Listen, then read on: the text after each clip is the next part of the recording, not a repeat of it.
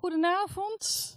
Van harte welkom. Mijn naam is eh, Femke Takes. Ik heet u naast het namens Radboud Reflex van harte welkom bij deze avond met de schrijfster uh, Inge Schilpoort. We zijn heel erg blij dat zij hier wil komen. Het, de avond zal bestaan uit een interview. De filosoof, Nijmeegse filosoof Kees Leijenhorst zal haar interviewen. Dat interview zal ongeveer een uur duren. Daarna is er een half uur gelegenheid voor u om ook zelf vragen te stellen aan Inge Schilpeoort. En na afloop om negen uur is de bijeenkomst afgelopen en zal zij nog uh, signeren. Ook daar bent u natuurlijk van harte welkom bij. Ik wens u een hele fijne avond. We kunnen heel uitvoerig uh, Inge Schilpeoort gaan uh, introduceren, maar de beste manier om te introduceren is denk ik gewoon een stuk uit het, uit het boek te lezen. En, we hebben met elkaar afgesproken een passage zingen. Ik zou zeggen, ga je gang. Ja. op nog geen paar meter van zijn huis trof hij het meisje op de stoep. Ze speelde alleen in het zand. Gelijk zag hij dat ze hetzelfde droeg als de dag ervoor. Het sportbroekje waarvan de stiksels ooit wit waren geweest. Het gekreukte gebloemde shirt. Voorovergebogen zat ze te tekenen, haar skippiebal achter zich. Ze trok met haar kleine vingers figuren in het stof. Af en toe dwarrelde er wat van op. Naast haar lag een schrift. Ze moest in diepe concentratie zijn. Ze leek hem niet te horen. Aarzelend bleef hij staan, zich verzettend tegen de zich opdringende neiging zacht haar naam te zeggen, Elke, waarop ze zich zou omdraaien en hij haar de vis kon laten zien.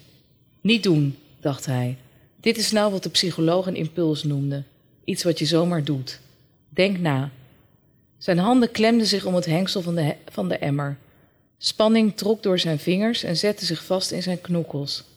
Hij keek naar haar nek, de schaduw van haar rug.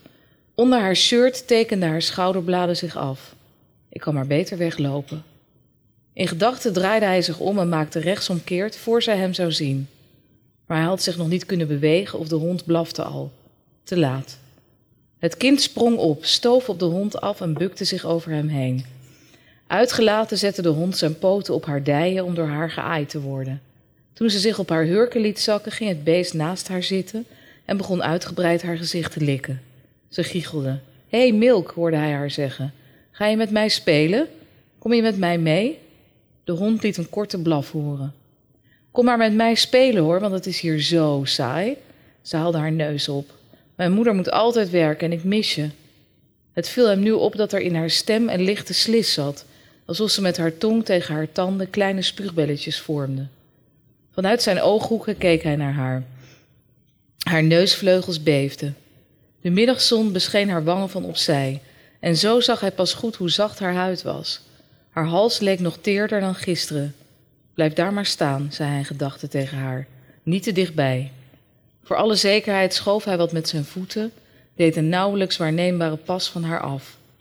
Het meisje prevelde lieve woordjes tegen de hond, wiens hele lijf hijgde van de hitte. De zon was verdwenen achter de huizen, maar het was nog steeds moordend heet. Hij richtte zijn blik op de schaafwond op haar elleboog. Een halfdichte wond, maar niet bepaald klein.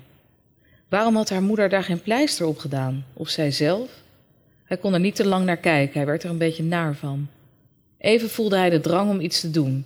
Binnen een gaasje voor haar te halen, een verbandje, de wond schoonmaken met jodium of alcohol. Aan de rand van zijn gedachten hoorde hij haar opeens praten. Wat is dat? vroeg ze. Ze kwam dichterbij en keek in de emmer. Hé, hey, ik vroeg wat hoor. Die heb ik net gevangen in de duinen. Ik zie dat je alleen bent, sprak hij in zijn verbeelding met haar verder. Ik kan je wond verzorgen en jij kan mij helpen met de hond en. Hij maakte zijn gedachten niet af. Alles wat hij dacht werd direct weer doorgestreept door de woorden uit zijn werkboek die in hem opborrelden. Risicoverhogende situaties moesten worden vermeden. Dat was een van de meest belangrijke punten. En dan had je de copingmechanismen, manieren om met stress om te gaan. Afleiding zoeken, hobby's, je problemen van je afschrijven. Daar moest hij hoog op blijven scoren. Hij beet zachtjes op de binnenkant van zijn wang. Wat een mooie vis, is dat een karper? vroeg ze. Ze was naast hem komen staan en boog zich over de emmer. Een hele lichte zweetgeur kwam hem tegemoet. Nee, geen karper. Het verbaasde hem dat ze wist hoe een karper eruit zag. Alsof ze zijn gedachten had gelezen, vervolgde ze. Ik zei toch dat ik alles weet van dieren en beesten?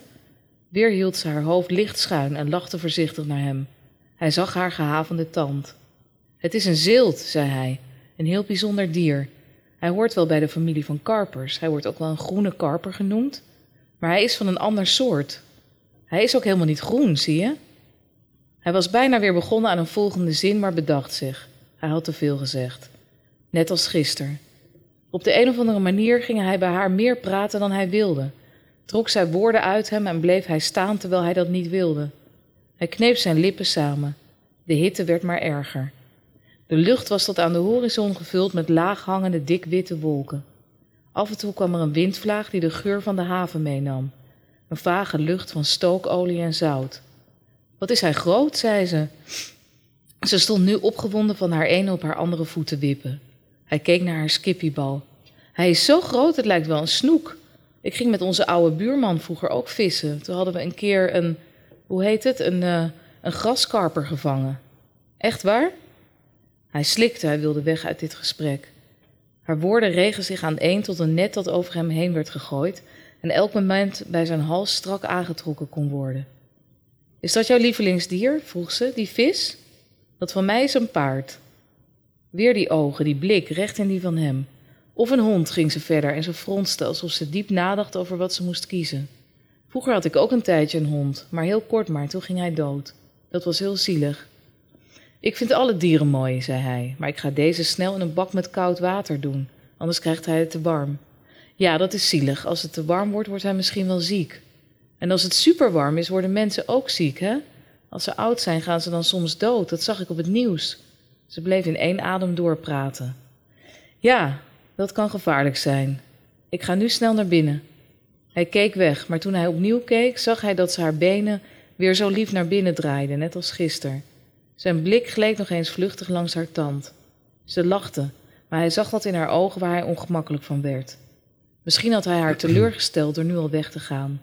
Misschien voelde ze zich eenzaam. Hij wilde er niet aan denken. Ja, dankjewel. Um, dit stuk, uh, voor wie het nog niet gelezen heeft, uh, zeer, zeer aanbevolen om dat wel te gaan doen. Jullie kunnen straks daarboven exemplaren kopen en laten signeren. Um, de, de hele boek door is een soort zinderende hitte. En die zinderende hitte uh, gaat gepaard met een zinderende spanning. Uh, de hoofdpersoon is uh, verdachte van een, zoals dat heet, zedendelict met een kind. heeft in de gevangenis gezeten, maar is eruit gelaten. De zaak is niet rond, zit voorlopig thuis. En dan komt hij thuis bij zijn moeder. met, en verder heeft hij eigenlijk geen contact. iemand met eigenlijk geen contacten. Um, en dan zit hij in een soort van afbraakwijk en moet verhuizen naar een nieuwe woning. En daar komt dus dat meisje. En ik zou bijna zeggen, the rest is history uh, in, het, uh, in, het, uh, in het boek. Er zit een enorme spanning, er zit een enorme worsteling in deze jongen. Er zit een spanning ook tussen dat meisje en uh, en de jongen en de vis speelt daar, deze muithond of zilt, ik had er nog nooit van gehoord, uh, speelt daar een hele belangrijke uh, rol in. We gaan het einde niet verklappen, want het is een giveaway. Maar laten we zeggen dat het niet per se goed afloopt, maar ja. Nou, oké, okay, meer zeggen we niet. Um, wat we zitten te lezen, dus als je dit leest, ik vond het, ik vond het echt een buitengewoon spannend boek. Uh, en ik vond, ik heb het eigenlijk in één keer uh, uitgelezen. Dus dank je wel dat je mijn nachtrust hebt, uh, van me hebt afgenomen. Ik kon er echt niet ophouden met, met lezen. En, en wat ik had eigenlijk als gevoel was, ik vond de hoofdpersoon, de jongen, ja, laten we zeggen, zielig. Mm. Ik had grote empathie, steeds meer. De enorme worsteling die die, die die doormaakt. Het feit dat hij geen hulp krijgt, daar gaan we het ook nog over hebben. Um, maar tegelijkertijd was er ook de realisatie, ja, maar het is wel een pedoseksueel. Uh, als er nog taboes bestaan in dit land, dan is die op pedoseksualiteit er waarschijnlijk één van, misschien wel uh, de laatste. Je schrijft een roman waarin we ons toch gaan identificeren met die, met die persoon en zijn worsteling. Of we die worsteling misschien inhoudelijk nou herkennen of niet, maar worstelen, dat doen we allemaal. En dat, dat herkennen we, denk ik. Sympathiseren ook met hem. Maar we zitten ons wel te sympathiseren met een, met een pedoseksueel. Degene die de laatste, laten we zeggen, restcategorie uitgeslotene van deze samenleving. Um, nou, daar is maar eens een stel vragen over. Was het jouw bedoeling dat we ons zouden gaan sympathiseren? Wil je begrip wekken voor pedoseksualiteit door middel van je boek? Uh, nee, eigenlijk niet. Uh, dat was niet de bedoeling. Het, is, uh, het boek is ontstaan vanuit een fascinatie eigenlijk die ik zelf had met een man die ik via mijn werk leerde kennen. Ik ben forensisch psycholoog en ik werk onder andere in het Pieter Baan Centrum. En daar zat toen een, een man die was veroordeeld inderdaad ook voor zedendelicten met kinderen. Die zat in een TBS-kliniek, die werd daar behandeld. Maar die behandeling die, ja, die, die kwam niet echt van de grond of die stagneerde. En toen werd hij in het Pieter Baan Centrum opgenomen om opnieuw uh, ja, hem te mhm. bekijken. Mhm. Van wat, wat er nou uh, met hem aan de hand was en waarom het niet lukte. En uh, ik heb toen die man zes weken lang ja, vaak gesproken voor een psychologisch onderzoek. En um, ja, in eerste instantie had ik alleen het dossier gelezen. Hè, en, uh, en dan heb je natuurlijk vooral. Uh, uh, voel je heel veel medelijden met, met die slachtoffers. En niet zoveel met die man zelf. Hm. En toen uiteindelijk leerde ik hem kennen. En hij worstelde heel erg met, met wat er in hemzelf zat. En waar hij eigenlijk van af wilde. Hm. En hij was dus in therapie. En dat, dat, dat was allemaal ontzettend moeilijk. En die worsteling die hij meemaakte, dat was eigenlijk wat mij fascineerde. Mhm. En ik heb toen in eerste instantie een kort verhaal geschreven daarover. En toen ben ik dat eigenlijk steeds meer gaan uitbreiden. En mhm. pas toen het echt uh, ja, steeds langer werd en, en dreigde echt een boek te gaan worden, mhm. wat misschien ook wel uitgegeven ging worden, toen ben ik eigenlijk pas echt meer gaan nadenken over ja, de andere mensen die het dan gaan lezen. En, dus het is niet inderdaad met zo'n opzet. Uh, mm geschreven. Mhm. Vind je het wenselijk, zeg maar, dus het was niet de opzet, maar vind je het wenselijk dat we meer begrip krijgen voor iemand die worstelt met dit soort gevoelens? Vind je dat zeg maar een effect van het boek wat je wel oké vindt? Ja, tuurlijk, dat wel. maar uiteindelijk, inderdaad, toen, zoals ik zei, toen het, uh, toen het dus steeds meer echt een, een boek werd... en ik mezelf ook wel ging, ging afvragen van wat, wat wil je er nou eigenlijk mee? Hè? Wat wil je mhm. nou, uh, wat voor ervaring wil je dat degene die het leest heeft? En wat ik toen dacht, is uh, wat ik eigenlijk probeerde op te roepen, is dat als je het leest, dat je helemaal in zijn hoofd uh, komt te zitten. En dat je het op een gegeven moment eigenlijk net zo benauwd krijgt als hij het mhm. heeft. Mm -hmm. Dus dat je. Ja, dat is goed gelukt. Ja. Letterlijk en figuurlijk. Maar dus ja, begrip, begrip. Maar in ieder geval dat, dat je uh, kan voelen hoe, hoe afschuwelijk moeilijk zoiets moet zijn. Mm -hmm. En, en daarmee, ik probeer niet een soort prototypisch beeld te geven van de pedofiel. Want die bestaat natuurlijk ook niet. En er zullen genoeg mm -hmm. pedofielen of pedoseksuelen zijn die mhm helemaal niet zo'n zo'n gewetensverroeging hebben als hij mhm, heeft. Mhm. Maar dit bestaat natuurlijk ook. Mhm. Ja, en dan denk ik ook, je, je zal het maar hebben. Hè? Wat dan? Maar om het van de andere kant misschien wat negatiever te formuleren... van mensen die bijvoorbeeld slachtoffer of kinderen hebben... die het slachtoffer van, van zijn geworden. Kun je je voorstellen dat mensen denken... ja, maar um, inderdaad met dat boek kweek je begrip voor de mensen die mee, mee, worstelen. Maar er zijn er genoeg die het heel fijn vinden... die er helemaal niet mee worstelen, die er helemaal niet mee zitten. Ja. Um, doordat je in het boek zo'n figuur centraal stelt en niet iemand die het gewoon maar heel fijn vindt en er niet mee worstelt, lijkt het alsof je toch begrip vraagt voor mensen waar je misschien geen begrip voor zou moeten hebben. Kun, je zo'n reactie voorstellen? Ja, op, op zich kan ik me dat wel voorstellen, maar dan dat. Het is inderdaad wat je zegt, het is natuurlijk uh, uh, een taboe. Want het, het fascineert mij wel. Ik snap het wel, maar ik vind het tegelijkertijd soms wel fascinerend dat er mensen zijn die zeggen van... nou, ik, hey, ik heb helemaal geen zin om me in te leven in uh, van de pedofilie. Nou, dat begrijp ik volkomen. Maar tegelijkertijd uh, zijn er natuurlijk ongelooflijk veel boeken en films... over de meest walgelijke moorden. En daar heeft iedereen dan blijkbaar wel zin in. Dus dat, vind ik, dat vind ik dan wel heel... Uh, vreemd eigenlijk, want dat is natuurlijk ook niet goed te praten. En dit is natuurlijk, uh, ik snap wel dat dit veel gevoeliger ligt, hè, want kinderen natuurlijk ontzettend kwetsbaar zijn. Um, maar goed, ik, ja, nogmaals, ik probeer niet te laten zien van kijk eens hoe aardig pedofielen Nee. kunnen zijn. Maar meer, ik vind die worsteling aan zich vind ik gewoon interessant. En als ik een boek al had geschreven over iemand die meer psychopathisch is en die gewoon pakt, Ja. die- ja, dat vind ik Hm. zelf niet zo Zo boeiend. eenduidig. Ja, precies. Ja. Ja. Snap je dat taboe? Want je, je, je, hebt dus, je, je kent zeg maar de, de, de, de belevingswereld en de geest van, van de pedofiel van, van dichterbij dan menigeen hier, denk ik. Maar, maar snap je het feit dat dit zo'n taboe is in onze samenleving? Ja, tuurlijk. En, niet- en niet Hannibal, wat was het Hannibal Lecter of weet je, inderdaad de meest smeer vreselijke films die we allemaal wel prima vinden. En, Nou ja, tuurlijk. En, en dat is maar goed ook eigenlijk in zekere zin. Of in ieder geval dat het zo beladen is.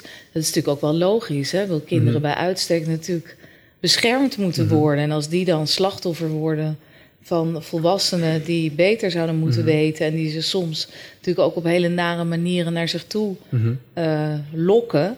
Ja, dat, dan kan ik me dat wel voorstellen. Ja, Mhm. ook die, die, die woede natuurlijk. Is, is, is zo, eh, zo'n boek, dus literatuur-fictie, hè, het is, een, eh, ehm, is dat een, manier waarop je dit zeg maar beter aan de orde kunt stellen dan, laten we zeggen, een ingezonden brief in de NRC of de Volkskrant of een debat op, eh, op, op tv? Wa- Wat betekent het feit dat het een literair, dat het een verhaal is eh, over, over dit thema? Eh, ten opzichte van inderdaad een stuk, stuk in de krant. Wat doet dat? Wel- Welke mogelijkheden biedt dat? Nou, ik denk dat het inderdaad wel heel anders is. Want als je, inderdaad, als je je in wil leven in zo iemand... of in ieder geval als je geïnteresseerd bent in, in, in, in een, boek, een boek hierover... en als het goed is, ga je dan vanzelf wel inleven eh, in hem. En eh, dan hoop ik dat je ook, als je het boek uit hebt... met vragen zit die niet 1, 2, 3 te beantwoorden zijn. Hè? Van, is het nou zijn schuld? Hè? Had hij iets anders moeten doen? Had hij iets anders kunnen doen? Ja. Eh, hè, dat, het, dat het gewoon allemaal niet zo eenduidig is. Dat meer dan dat ik nou begrip wil kweken, is het meer om te laten zien dat het lang niet altijd zo eenduidig is.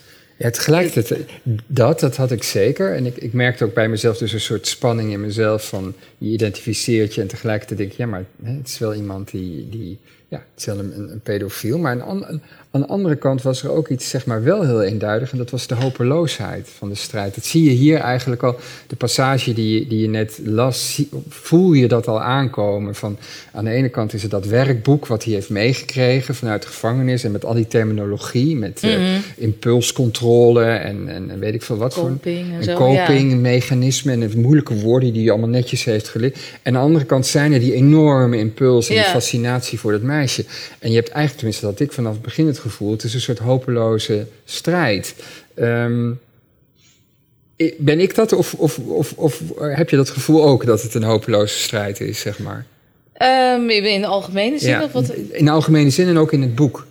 Nee, in algemene zin denk ik niet. Eh, er, zijn, er zijn mensen die, bij wie het lukt, zeg maar, om, Mhm. hè, om, om, om de... Maar dan gaat het meer om het, inderdaad het bedwingen natuurlijk van, van, eh, van, van jezelf... en proberen uit situaties te blijven waarin je in een verleiding wordt eh, Mhm. gebracht. Mhm. Dan dat je echt, als mensen echt pedofiel zijn en echt dat graag willen...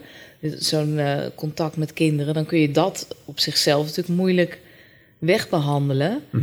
Ehm, in zijn geval ja, is het inderdaad wel heel lastig. Eh, maar goed, dat is ook de situatie die Ja. ik natuurlijk zelf gecreëerd heb. Ja. Hij zit natuurlijk ook in een hele kale wereld. Maar dat, eh, dat was ook wel een van de dingen die mij toen zo fascineerde bij die man... op wie dit dan oorspronkelijk gebaseerd was. Juist inderdaad wat je zegt, die, die strijd. Hè? Want als je inderdaad zulke heftige gevoelens en impulsen hebt aan de ene kant... en die moeten dan een soort van weggemaakt... Mhm.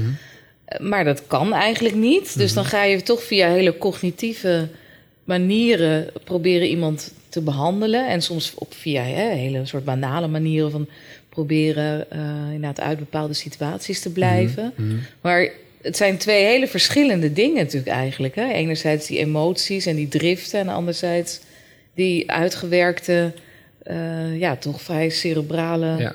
Therapieprogramma. En de taal inderdaad, die, die, die hulpverleners spreken en de mensen tegen... Het is vaak zo anders. Ja.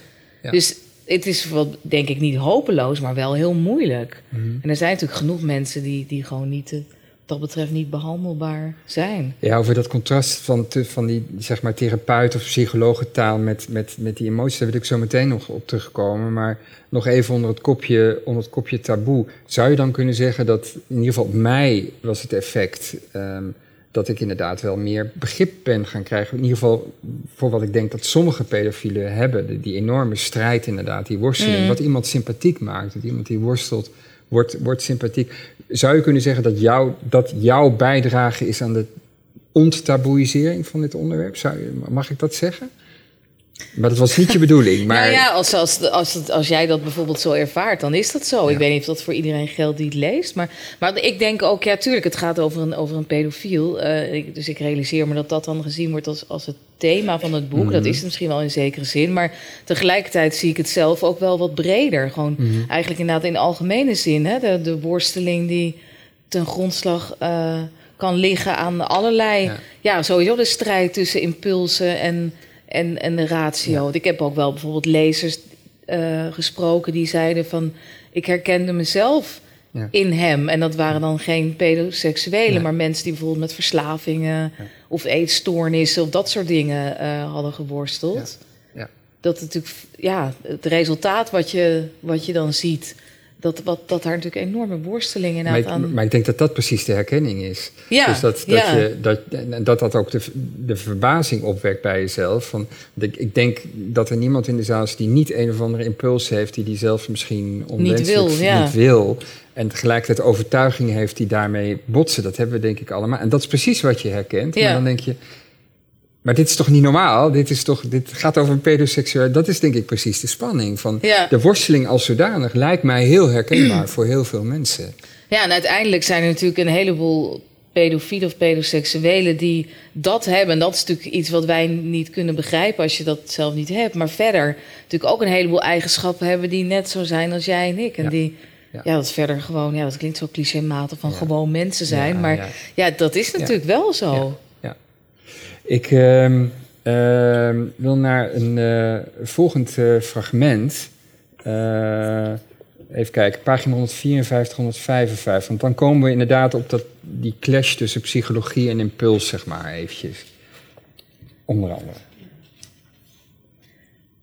In de loop van de middag zocht hij tussen de aantekeningen in zijn schrift naar het telefoonnummer van de therapiepraktijk die de psycholoog hem had gegeven. Voor mensen met hetzelfde soort problemen als jij. Je kunt er vrijwillig heen. Dat was misschien het beste wat hij kon doen. Tegelijkertijd wist hij sterker dan ooit dat hij het nooit zou durven. Hij wachtte tot zijn moeder weer was ingedut. Het kastje in de gang waar de telefoon op stond, verplaatste hij zo ver als de draad het toeliet. Een schijnvertoning, dacht hij ondertussen, en voor wie? Hij wist al dat hij niet zou gaan. Toch leek het belangrijk om in elk geval te doen alsof dit wel zo was, alsof hij iets of iemand anders ergens van moest overtuigen. Voordat hij het nummer intoetste, bleef hij nog een tijd met het schrift in zijn hand voor de spiegel in de hal staan. Het gezicht waarnaar hij staarde was bleek en vermoeid. Vage schaduwen onder zijn oogkassen. Zijn huid was net zo droog aan het worden als die van zijn moeder. Er ontstonden dezelfde soort krasjes bij zijn mondhoeken. In zijn blik probeerde hij iets te zien. Antwoord te krijgen op vragen die hij voelde, maar niet kon verwoorden. Het gezicht in de spiegel, keek hem van heel ver weg aan. Hij kon er niet bij. De telefoon ging drie keer over. Forensisch-psychiatrische kliniek De Waag. Goedemiddag, kan ik u helpen? Hij zweeg, hoorde zijn eigen adem. Hallo? Hallo? Ja, wauw. Ehm, ja, er zitten volgens mij heel veel kanten aan. Eerst maar een ma- maatschappelijk punt. Eh, de jongen wordt naar huis gestuurd, uit de gevangenis, moet wachten totdat het weer doorgaat, zeg maar, het proces. Op een gegeven moment komt het dan ook inderdaad weer terug. Eh, is in de gevangenis, eh, laten we zeggen, geholpen, heeft therapie eh, of op zijn minst een psycholoog gezien. En heeft een werkboek met oefeningen, heel cognitief of gedragsmatig. Maar die arme jongen moet het helemaal alleen uitzoeken. En, en heeft die, die, die begrippen, kent hij nauwelijks, eh, eh, besnapt hij nauwelijks, maar hij doet wel heel erg zijn best. En ondertussen gebeurt het gewoon met die impuls en kan hij op een gegeven moment niet meer toegeven. En nu, in deze passage, durft hij dus ook niet de stap te maken naar zelf die hulp eh, eh, te vragen. Is dat, kan dit? Want ik vond het best zorgwekkend, zeg maar. Eh, ja, nou ja, het kan wel, maar het gebeurt meestal. Hopelijk is dat een geruststelling. Het gebeurt meestal niet op die Ja. manier. Want nu is het. ja, die man heeft dan TBS gehad hè, en begint dan met een soort pre-therapie in de gevangenis. Eh, maar op een gegeven moment in hoger beroep wordt hij dan vrijgesproken.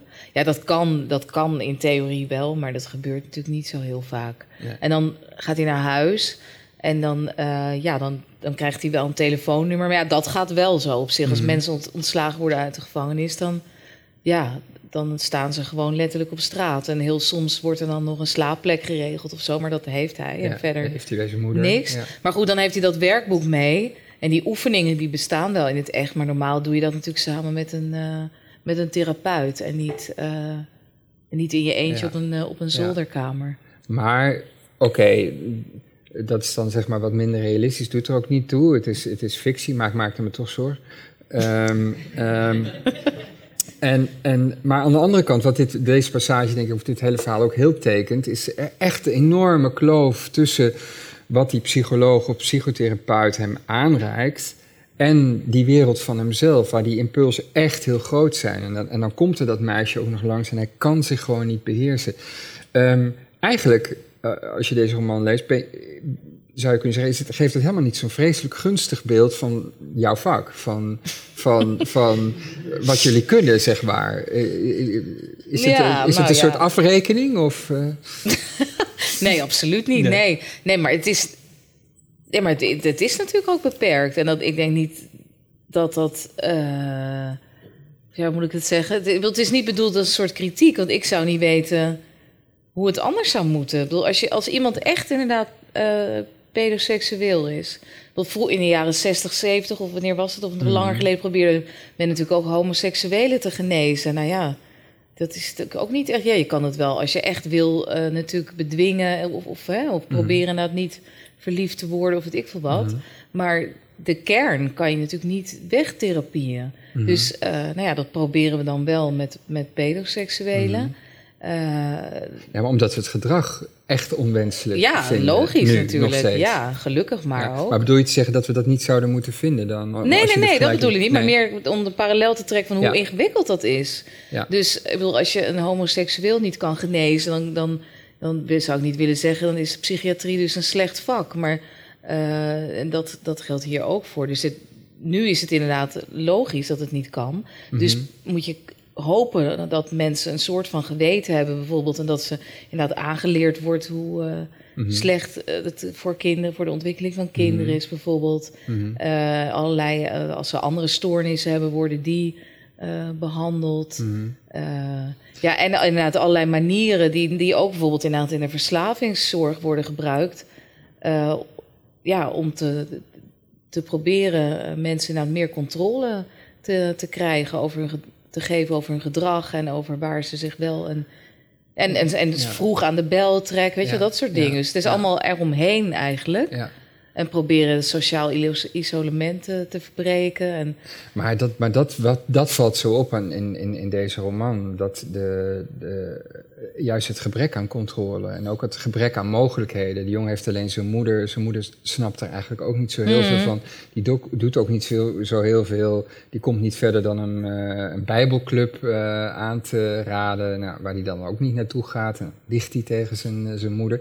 Er is geen omgeving, er is geen opvang, er is helemaal niks. En, en die jongen is overgeleverd aan zijn eigen impulsen. En je, je voelt gewoon dat die controle, die, Ja. waar de psycholoog mee heeft willen werken, die, die werkt gewoon helemaal niet. Je kunt van allerlei overtuigingen, het is zielig voor het meisje, et cetera. Maar die gedachten, die hebben geen enkel vat op die, op die verleiding die eigenlijk uitgaat van dat meisje. Dat, dat viel mij juist, Ja. dat vond ik zo fantastisch beschreven van binnenuit. Wat denk ik wederom voor heel veel mensen weer herkenbaar is. Er zijn heel veel impulsen waar we geen controle...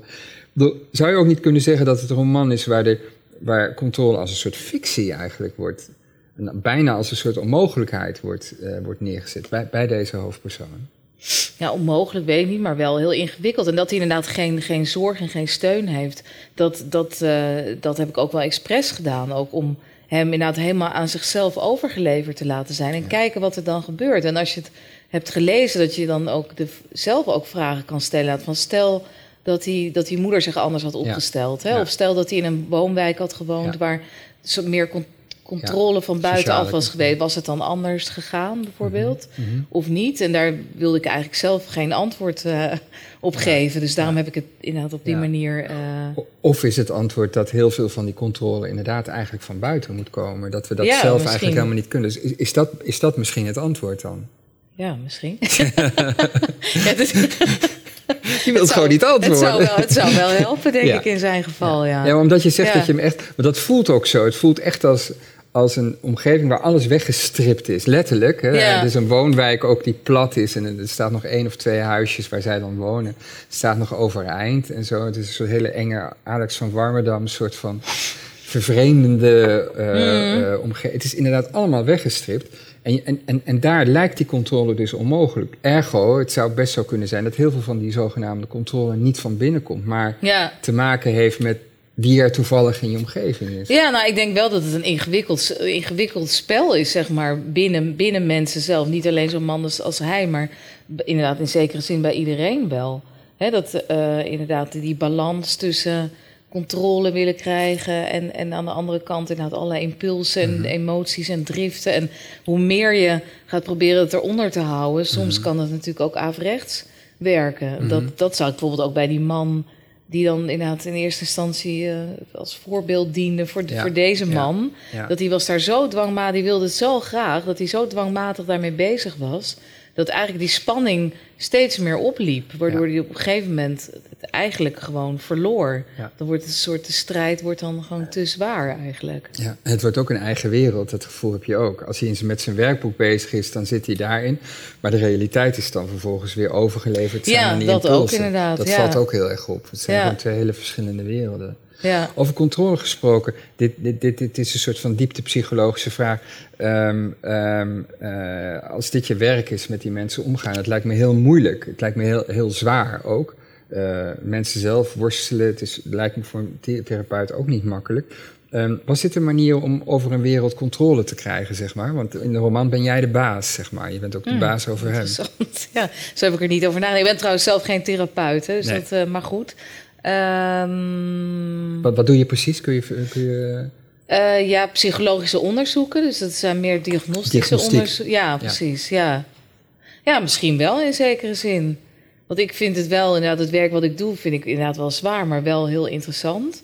En, ehm, maar er zijn inderdaad dingen die, die, ja, waarvan ik, waar ik soms wel tegenaan loop. Denk van, jeetje, wat is dit eigenlijk ongelooflijk ingewikkeld. En hoe moet je dit aanpakken? En dat, ook, dat je ook wel de onmacht zelf voelt natuurlijk, hè, van... eh, van de maatschappij en van inderdaad ook wel eh, de, de therapeuten. Mhm. En eh, dus dat aan de ene kant. En aan de andere kant, ja, dat ik het ook heel interessant vond om, om me echt te proberen te verplaatsen in zo iemand buiten al het jargon om. Mhm. Hè? Want normaal moet je als psycholoog ga je kijken van nou, wat is er nou aan de hand en wat voor stoornis, de rekening van ja, allemaal inderdaad klassificaties en wetenschappelijk.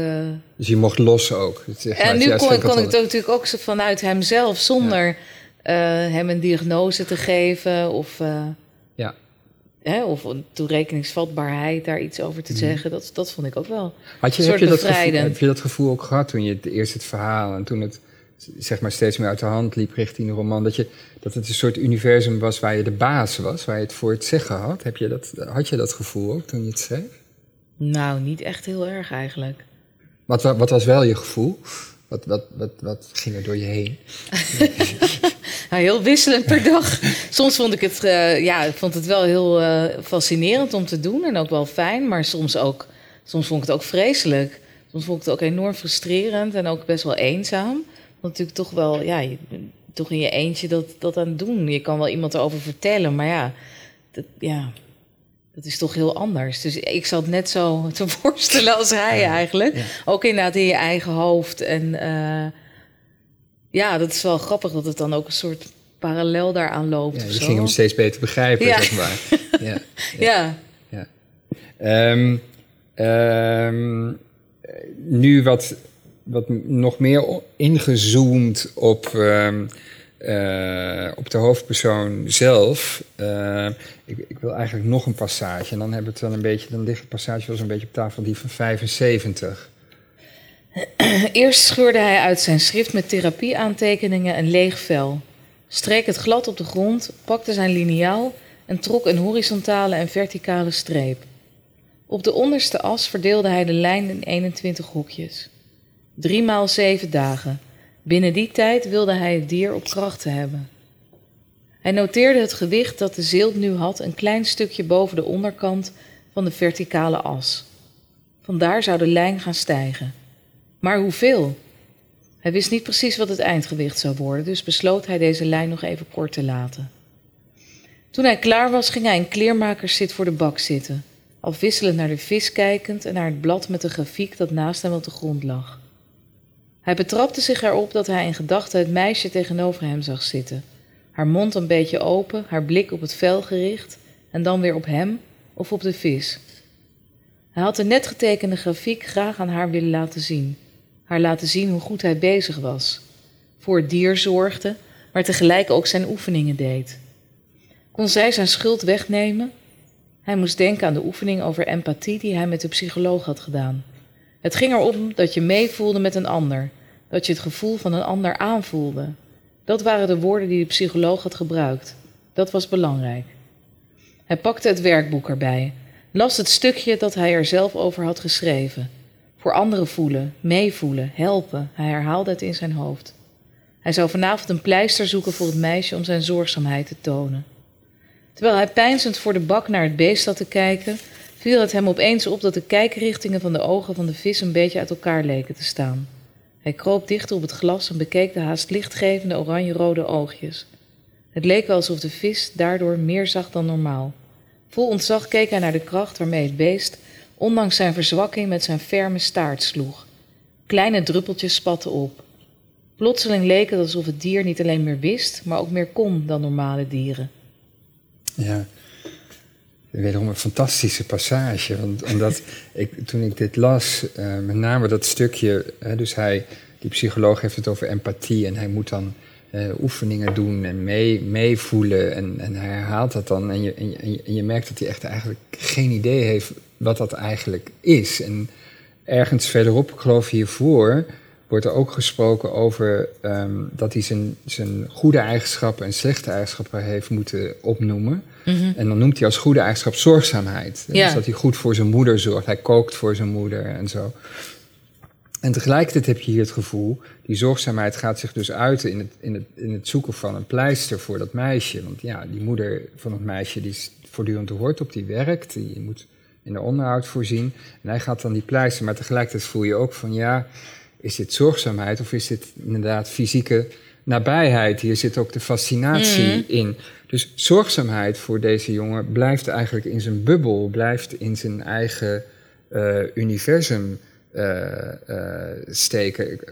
Klopt dat? Is het, ik, lees ik het zo goed, zeg maar? Ja, dat, dat denk ik wel. Maar dan is de vraag natuurlijk, ja, wat betekent dat ja, dan? Ja, betekent dat, dan vraag, dat hij ja. inderdaad niet zorgzaam is of niet kan zijn? Of dat hij geen, helemaal geen gevoel heeft voor haar?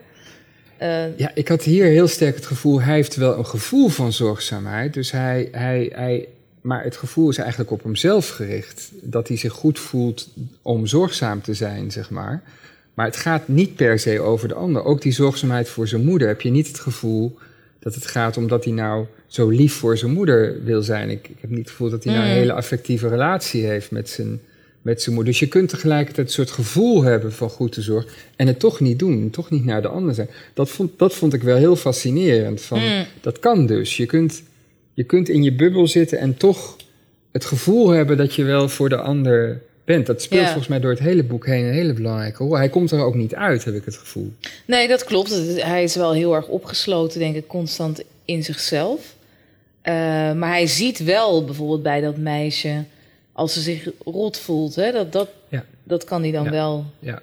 signaleren. Ja. Ehm, Hij ziet het wel, maar dat viel me op. Daarom, de vis is eigenlijk de hoofdpersoon, hè, van de, dat is ook de titel. En die vis die hij verzorgt, die is eigenlijk ook heel zorgzaam. Dus hij houdt in de gaten, want het is dus bloedje heet de hele tijd. Eh, zeldzame Nederlandse zomer, zeg maar. Eh, eh, en- Fictie, hè? Ja. Fictie, fictie.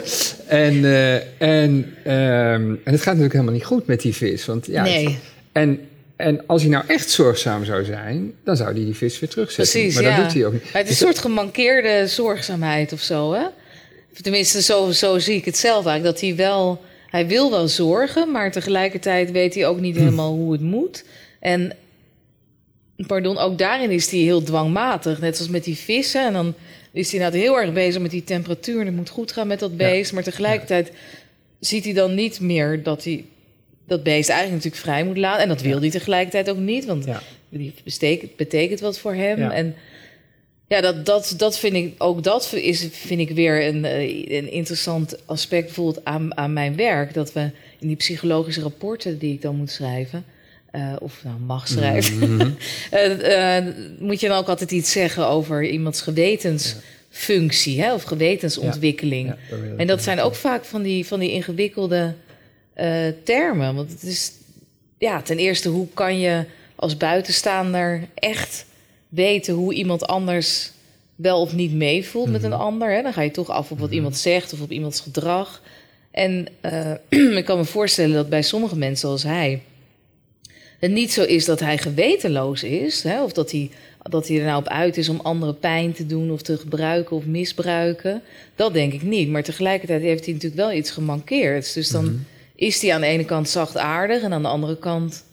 Wat- wat- Maar hoe, dus- zou je, hoe zou je dus in de terminologie, stel dat je dat rapport dan toch moest schrijven, hoe, hoe, zou je met zijn, hoe, hoe zit het met zijn gewetensfunctie inderdaad? Hoe zou je dat omschrijven?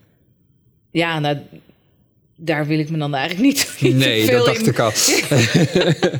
Het zijn meer, ik wil meer dan eigenlijk vragen, Ja. zeg maar op die manier vragen Oké, dan, oproepen. dan, zo dan, van, dan doe ik een poging. Ehm, ik, ik heb het gevoel hier, want dan wordt het interessant. Want wat bedoelen we dan, wat bedoelen jullie met, met, met geweten? Want er is observatie. Hij observeert ook dat het niet goed gaat met die vis. Ja. Dus Mhm. dat kan, dat kan hij wel. Daar zit hij uit- buiten zijn bubbel, zeg maar. Hij weet ook wat hij eigenlijk moet doen. En in, in, in zo'n geval, hij heeft een bepaald gevoel. Hij wil graag zorgzaam zijn, maar hij is het niet. Dus uiteindelijk heb je het, heb je het gevoel van, ja, gewetensfunctie. Er zijn wel een soort basale elementen die je nodig hebt om, om zoiets Ja. als een geweten. Maar uiteindelijk niet. Ja, dus dan zou je zeggen, er is een soort aanzet tot of zo. Rudimentair misschien. Ja, ja, nou ja, dus, zoiets kan ik me wel voorstellen. Maar sowieso is natuurlijk, is, kun je afvragen of hij psychologisch of emotioneel gezien heel volwassen is. Dus ja, Mhm. maar dat, dat, dat, dat, maakt, ja, goed, dat, dat maakt hem dus in een zekere zin tot iemand misschien die, die geen goed ontwikkeld geweten heeft. Maar tegelijkertijd is het verre van een psychopaat of Ja. zo. Hè? Ja. Wat natuurlijk, eh, ja, zodra je leest in de krant over een man die, die een meisje heeft gepakt, is dat toch wel, denk ik, vaak wat bij je opkomt. Mhm. Van hè, zo'n eh, enge schurk. Maar, maar wat is dan, zeg maar, ook bij hem, en dan dus niet in de tijd, je hoeft geen rapport over te schrijven, maar wa- wat, wat mist er dan? De, want de, de lijken, de elementen die nodig zijn voor datgene wat we geweten noemen, die zijn er ergens wel, maar toch ontbreekt het. Wat, wat is het cruciale wat ontbreekt dan bij hem? Ik, ik heb het gevoel, echt inderdaad, Ja. identificatie. Dat Dus- denk ik wel. Dus Ja. hij kan observeren en, en hij heeft een soort gevoel, maar hij kan zich niet ver- verplaatsen of zo. Hij kan, Ja, tot op zekere hoogte. Ook vanuit zijn eigen. Maar ja, goed, dat is misschien niet een, ook een beetje de vraag, maar dat is meer filosofische vraag misschien. Ja, maar in hoeverre we dat niet allemaal doen, natuurlijk. Hè? In hoeverre je niet altijd inleeft in een ander vanuit je eigen referentiekader. Want dat is het enige kader wat je hebt. Mhm. Alleen als je iets meer, misschien iets meer ontwikkeld bent, dan heb je ook meer in huis. Maar hij doet het ook vanuit zijn eigen kader. En dat is een vrij beperkt kader, natuurlijk. Ja, dus je bedoelt, eh, eigenlijk, eigenlijk is die identificatie is altijd vanuit jezelf, maar als je een rijker innerlijk hebt, Dat dan kun je met ik, meer ja. identificeren. Dat denk ik, ja. Is dat zo? Of, of, of heb je bij, bij hem heb je inderdaad ook echt het gevoel, gevoel van, het is niet alleen dat hij inderdaad een heel arm beleeft, arme Mhm. belevingswereld, arme omgeving, er is alleen maar die moeder. eh, arme ja, opvoeding ook. Het is duidelijk een milieu waar niet gelezen wordt of weet ik veel wat. Mhm. Ehm, dat is er aan de hand. Maar je hebt ook gewoon de simpele daad van toch je uit je eigen kader en, en het lot van de ander tot je door laten dringen. Dat, dat ontbreekt. En Nou ja, weet, Toch? dat weet ik niet of dat helemaal ontbreekt. Ik denk dat hij wel meevoelt bijvoorbeeld met dat kind. En dat hij haar ook wel... eh, Ja, het is natuurlijk wel bazaal, maar haar Mhm. nou bijvoorbeeld eh, eten wil geven en dingen zielig vindt. Mhm. En, Mhm. dus dat denk ik wel, maar dat, dat zijn dan inderdaad vrij basale. Ja, maar ik vond Eh. in dat voorbeeld van die pleister hier, je zou kunnen zeggen, het is eigenlijk adequaat. Het is adequaat gedrag. Die moeder die, die, die zou eigenlijk voor die pleister moeten zorgen, doet het niet, dan Dus doet hij, hij het. is eigenlijk fantastisch. Maar ook Waar weer heel erg niet, waar het niet, dat het een, inderdaad een pedoseksueel is, die ook die fascinatie voelt en die, omdat hij die pleister met dat meisje, hè, daar met dat meisje iets moet doen, haar moet gaan aanraken en zo. En je hebt zoiets van, oh god, Ja. hè, je, je voelt het van kilometers aankomen, zeg Ja. maar. Dus eh, daar heb je het gevoel, daar zit dus een heel erg een dubbelheid in. Het Ja. gaat over hem, het gaat Ja. niet over dat meisje. Of Ja. is, dat, is dat te radicaal? Ben ik dan te boos op hem of zo? Nou ja, ja kijk, het, het- dat, dat weet ik niet of je dan te boos op hem bent. Ik denk dat het inderdaad heel dubbel is. Ik denk dat, dat heel veel van wat hij voelt heel dubbel is. En dat dat juist ook die worsteling, eh, die worsteling uitmaakt voor hem. Mhm. Mhm. En, en terugkomend op wat je eerder zei, geldt dat niet voor al onze gevoelens? Zijn die niet altijd heel dubbel? Is, is, is, mag ik dat je in de mond leggen? Nou ja, ja, dat weet ik niet. Ja, dat, ik geloof ook wel dat er, eh, dat er, ik geloof wel dat er mensen, dat, dat je dingen doet die niet alleen over jezelf gaan natuurlijk. Dus het is natuurlijk niet zo dat alle gevoelens dubbel zijn. Maar ik denk wel dat, dat, dat wij allemaal heel veel in ons hebben wat hij ook in zich heeft. Mhm. Dat meer. Wat Ik- maakt dan het verschil uit tussen ons en, en hem? Wat maakt hem tot hem en ons Ja. aan de goede kant van de streep? Wat, wat is daarvoor nodig, zeg maar? Ja, geen idee. Is Ja, het een omgeving? Is het, is, het, Ja, dat weet ik echt niet wat daarvoor nodig is. is het een beslissing, bijvoorbeeld? Hij neemt, die, hij neemt ook niet echt... Hij, dus hij belt, hij belt bijvoorbeeld die, hij belt die praktijk op, maar hij weet al... Ik, ik ga de hoorn eigenlijk niet... Ik ga, ik, ik- dit ga ik niet durven, Ja, constateert hij bij zichzelf. Maar hij vraagt ook niet om hulp of zo. Of hij Nee, gaat ook niet dat durft hij ook niet. tegen zijn moeder zeggen... Of, of tegen zijn vis, voor mijn part. Want die vis is er om hem te redden, zegt hij. Ja. doet hij ook niet. In hoeverre kun je, dat is misschien een andere vraag, de vraag naar verantwoordelijkheid. In hoeverre kun je deze jongen zeg maar verantwoordelijk stellen? Nou ja, dat is dus inderdaad de hamvraag rondom die toerekeningsvatbaarheid. Ja, ja. En wat vind jij? Hoe toerekeningsvatbaar vind je ja, hem? ik, ik vind nou over dubbel gesproken. ehm, ik, ik had daar echt dubbele gevoelens. Dus, want e- enerzijds niet, het is duidelijk een slachtoffer van, om, van een gebrek aan omgeving en ehm, ja, toch, toch een behoorlijke autistisch, autistisch-vorme aanleg, heb je het gevoel. Er is van alles aan de hand. Mhm. Maar anderzijds heb je wel er zijn momenten waar hij toch iets had kunnen doen. Al was Ja. het maar hulp vragen of, eh, of het inderdaad aan zijn vis vertellen, aan wie die wel allerlei andere dingen. hè, Die, vis, die vis, die, die wordt echt iemand. Voor, dat doet hij niet. En dan, dan heb ik daar wel, merkte Ja. ik, heb ik wel moeite mee. Is hij nou helemaal niet verantwoordelijk? Ja. Nou, je hebt ook allerlei tussencategorieën. Ja, hè? dat is het fijne aan de dus- Nederlandse eh, situatie. Ja, dus da- daar zou die dan waarschijnlijk ergens in terechtkomen, ja, echt inderdaad. tussen 1 en 5. eh, ja, precies. Ja. ja. Ja. Ja, dat, dat, maar dat vond ik zo fascinerend. Van ehm, eh, volledig verantwoordelijk, niet, helemaal niet verantwoordelijk, nee, ook niet. precies. Ja. Maar toen dacht ik ook van ja, maar als ik nadenk over mijn eigen, dat geldt de helft van de tijd, driekwart van de tijd ook voor mijn eigen, ja. eigen handelingen. Godzijdank hoef ik niet beoordeeld te worden door types als jij nog even. Maar, maar, maar, maar, maar het is wel. ja, maar omdat je, neem ik aan, dan ook geen aanvechtingen hebt die... die, die Niet deze, nee. Die nou in ieder geval, dat ook die, zeg maar, die van de wet niet mogen, zeg maar. En die zo sterk zijn. En wel dat, maar dat, dat is natuurlijk wel het lullige in zo'n geval. Want dat, dat, dat denk ik ook dan ook wel bij zulke soort mensen. Van je, je zal het maar hebben, toch? Wat dan? Ja. ja, wat ga je dan doen? Hoe ga je je leven dan inrichten? En eh, hoe ga je zorgen inderdaad dat je nooit ja, tot, tot het gedrag overgaat wat eh, ja, niet mag. Met een reden natuurlijk, omdat het natuurlijk ontzettend schadelijk is. Jawel, maar als je het hebt over verantwoordelijkheid, ehm, dan heb je ook de, de, de vraag dat dat veronderstelt. We, we hadden het over controle. Het gaat eigenlijk iedere keer over hetzelfde punt. Van je hebt hier het gevoel, er is heel weinig controle. Mhm. En heel weinig controlemogelijkheid vooral voor, voor, deze, voor deze jongen. Hij kan het gewoon echt niet aan, die innerlijke, die innerlijke strijd. En er is dus ook geen omgeving die hem helpt bij, bij die controle.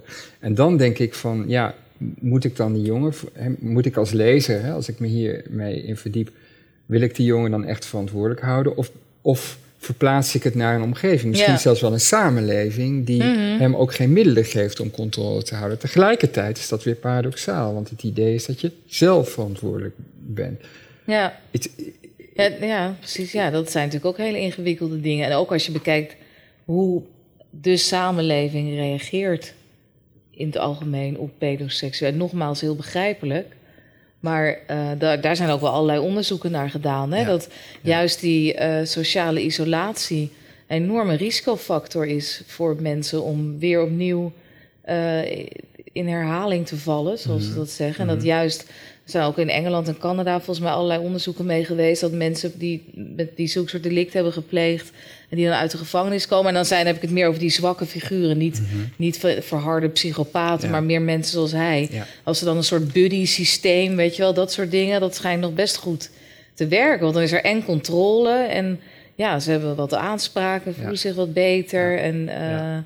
Dus dan wordt een deel van de controle zeg maar toch wel uitbesteed, maar ja, die is er, die is er ja, dan maar wel. dan moet, je, dan moet je natuurlijk niet, als je alleen maar met haat en repressie reageert, dan werkt dat dus eigenlijk weer averechts. Terwijl dat, ja, dus het zijn allemaal wel eh, complexe ja, dingen. Ja, ja. Ehm, eh, nog terug op het boek. Gaat je volgende boek weer een forensisch boek zijn? Zeg ja, maar. weet ik nog niet. Ik denk Weet het niet. Ik denk het niet. Maar het zou kunnen dat het toch insluipt natuurlijk. Ja, Maar de bedoeling is van niet in elk geval. nee. Want eigenlijk zeg je, dat, is, dat geldt eigenlijk voor dit boek ook al. Ik bedoel, de setting is, die, is forensisch, gaat over pedoseksueel en komt uit de gevangenis en zo. Maar het gaat je eigenlijk om die menselijke worsteling. In zekere zin is het Ja. geen boek over een pedoseksueel. nee, zeggen? zeker niet alleen maar. Nee. Ja.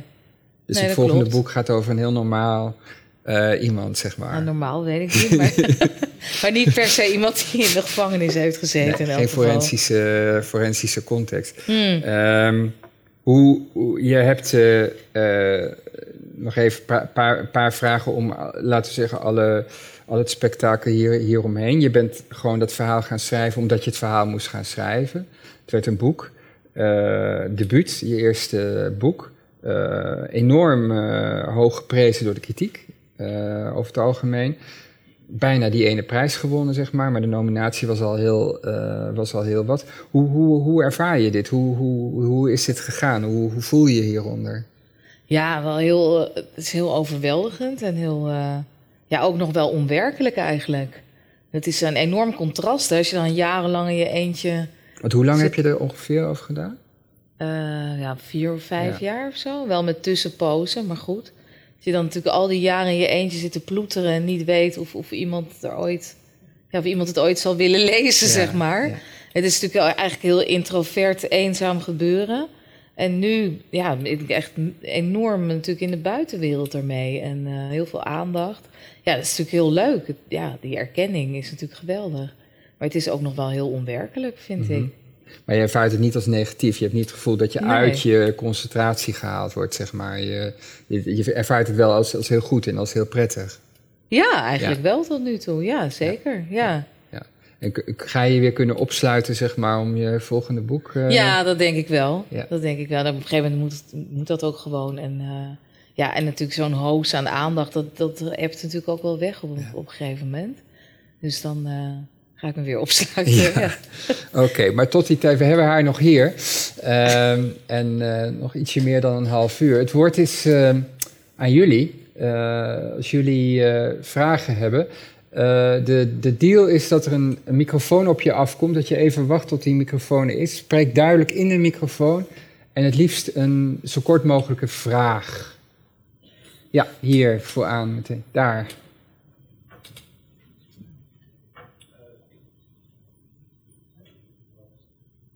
Begin maar gewoon met te praten. Volgens mij doet hij het gewoon. Eh, ik vroeg me af eh, wat u denkt dat het nog mist voor een geweten. Want jullie zeiden net dat hij hem niet zou hebben. Maar ik heb het idee dat hij donders goed weet dat hij iets niet moet doen. En wanneer hij iets niet had moeten doen. Dus vraag me af wat er nog mist voor een geweten. Ja, nou ja, goed. Ik, ik denk ook niet dat hij, dat hij gewetenloos is. Maar eh, wat je zou hopen natuurlijk is dat hij daar meer gevoel bij heeft. Bij inderdaad bij de dingen die, waarvan hij weet dat het niet oké is. Dat hij dat, dat nog meer kan voelen dat hij, dan hij nu doet. En dat dan- dat ook nog meer zou afremmen, denk ik. Ja, maar volgens mij gaat de vraag inderdaad over van... Je kunt je ook een definitie van geweten voorstellen waarbij geweten gaat dat je besef hebt van of wat je, wat je doet goed of kwaad is. Ja. Dat lijkt hij dat lijkt Nou ja, inderdaad nee, precies, dat denk ik wel, ja. Maar dan heb je het puur over een soort cognitief eh, gedeelte. Dat- Als je meer naar de affectieve kant kijkt, dan is het normaal natuurlijk in een ontwikkeling eh, dat het bij kinderen ook begint met eh straffen, dat mag niet. En dan blijft het nog heel verstandelijk. En dat op een gegeven moment dat je het ook gaat voelen. En dat je vanuit je gevoel ook dingen niet doet waarvan je dus... Hè, dat er een verbinding komt tussen weten dat het niet, niet goed is... maar ook voelen waarom het niet goed is en het daarom niet willen. En ik denk dat dat gedeelte, dat daar nog wel... Ja, daar nog wel wat ontbreekt, zeg maar. Maar- Maar zou je inderdaad dan kunnen zeggen wat er ontbreekt is weer die controlefunctie van er is wel een geweten in de zin van geweten is ook weten. Hij weet dat dingen mis zijn, maar ja, dat kun je leuk, leuk dat je het weet, maar hij krijgt zichzelf niet zover dat hij het Ja, anders. maar goed, je- een geweten is sowieso denk ik wel een soort controlefunctie als het goed is. Ik denk dat vooral dan die, die, die affectieve kant van, het, van de inleving, dat dat is wat eh, niet helemaal ontbreekt, maar wel echt deel. En tegelijkertijd, ja, als die impulsen maar sterk genoeg zijn. eh, en ook dat geldt, denk ik, voor iedereen, bij wijze van spreken. Want je hebt natuurlijk ook eh, mensen die iemand anders vermoorden, die wel een geweten hebben. Hè? Dat kan natuurlijk zo sterk worden. Dat is natuurlijk ook een constant een soort krachtenspel, denk ik.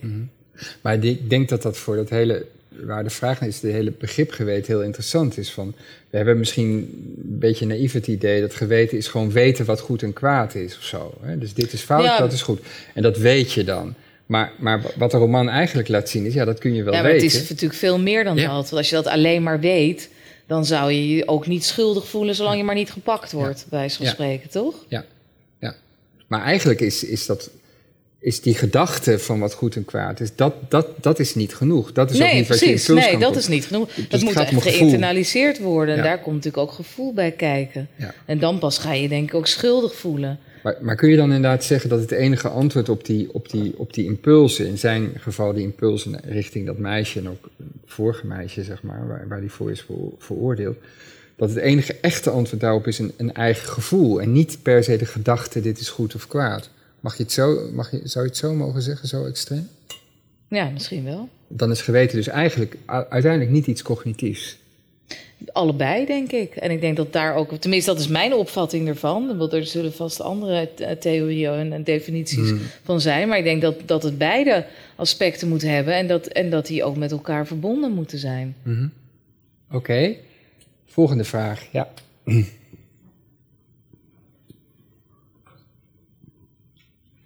Ik ben eigenlijk heel nieuwsgierig. U heeft zich jarenlang eh, helemaal verplaatst in eh, iemand, eh, nou ja, die zeg maar ja, toch wel gestoord is, als ik het zo mag zeggen. Heeft, eh, heeft dat uw werk, uw dagelijks werk eh, ook beïnvloed en op wat voor manier? Mooie vraag. Kijkt u anders zeg maar naar de mensen die u moet beoordelen bijvoorbeeld?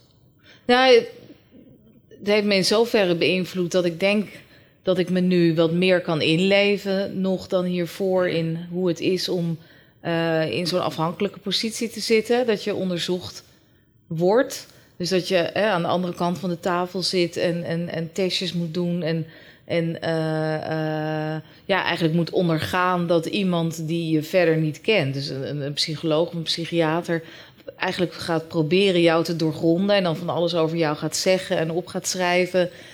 wat je niet, misschien niet altijd zal herkennen, wat ook in een, in een jargon en in een taal gebeurt die, ja, die vaak best wel ver afstaat van degene die, over wie dat wordt geschreven.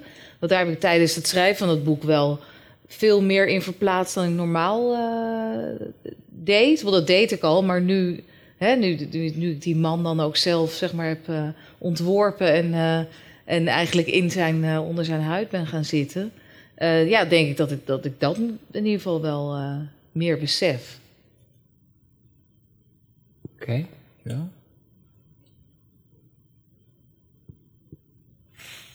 Volgende, ja. Oh, daarachter. Ah, daar is ook een microfoon. Eh, denkt u dat het mogelijk is dat, eh, dat, dat zo'n persoon eh echte controle over zichzelf kan hebben? En wat voor mogelijkheden ziet u dan?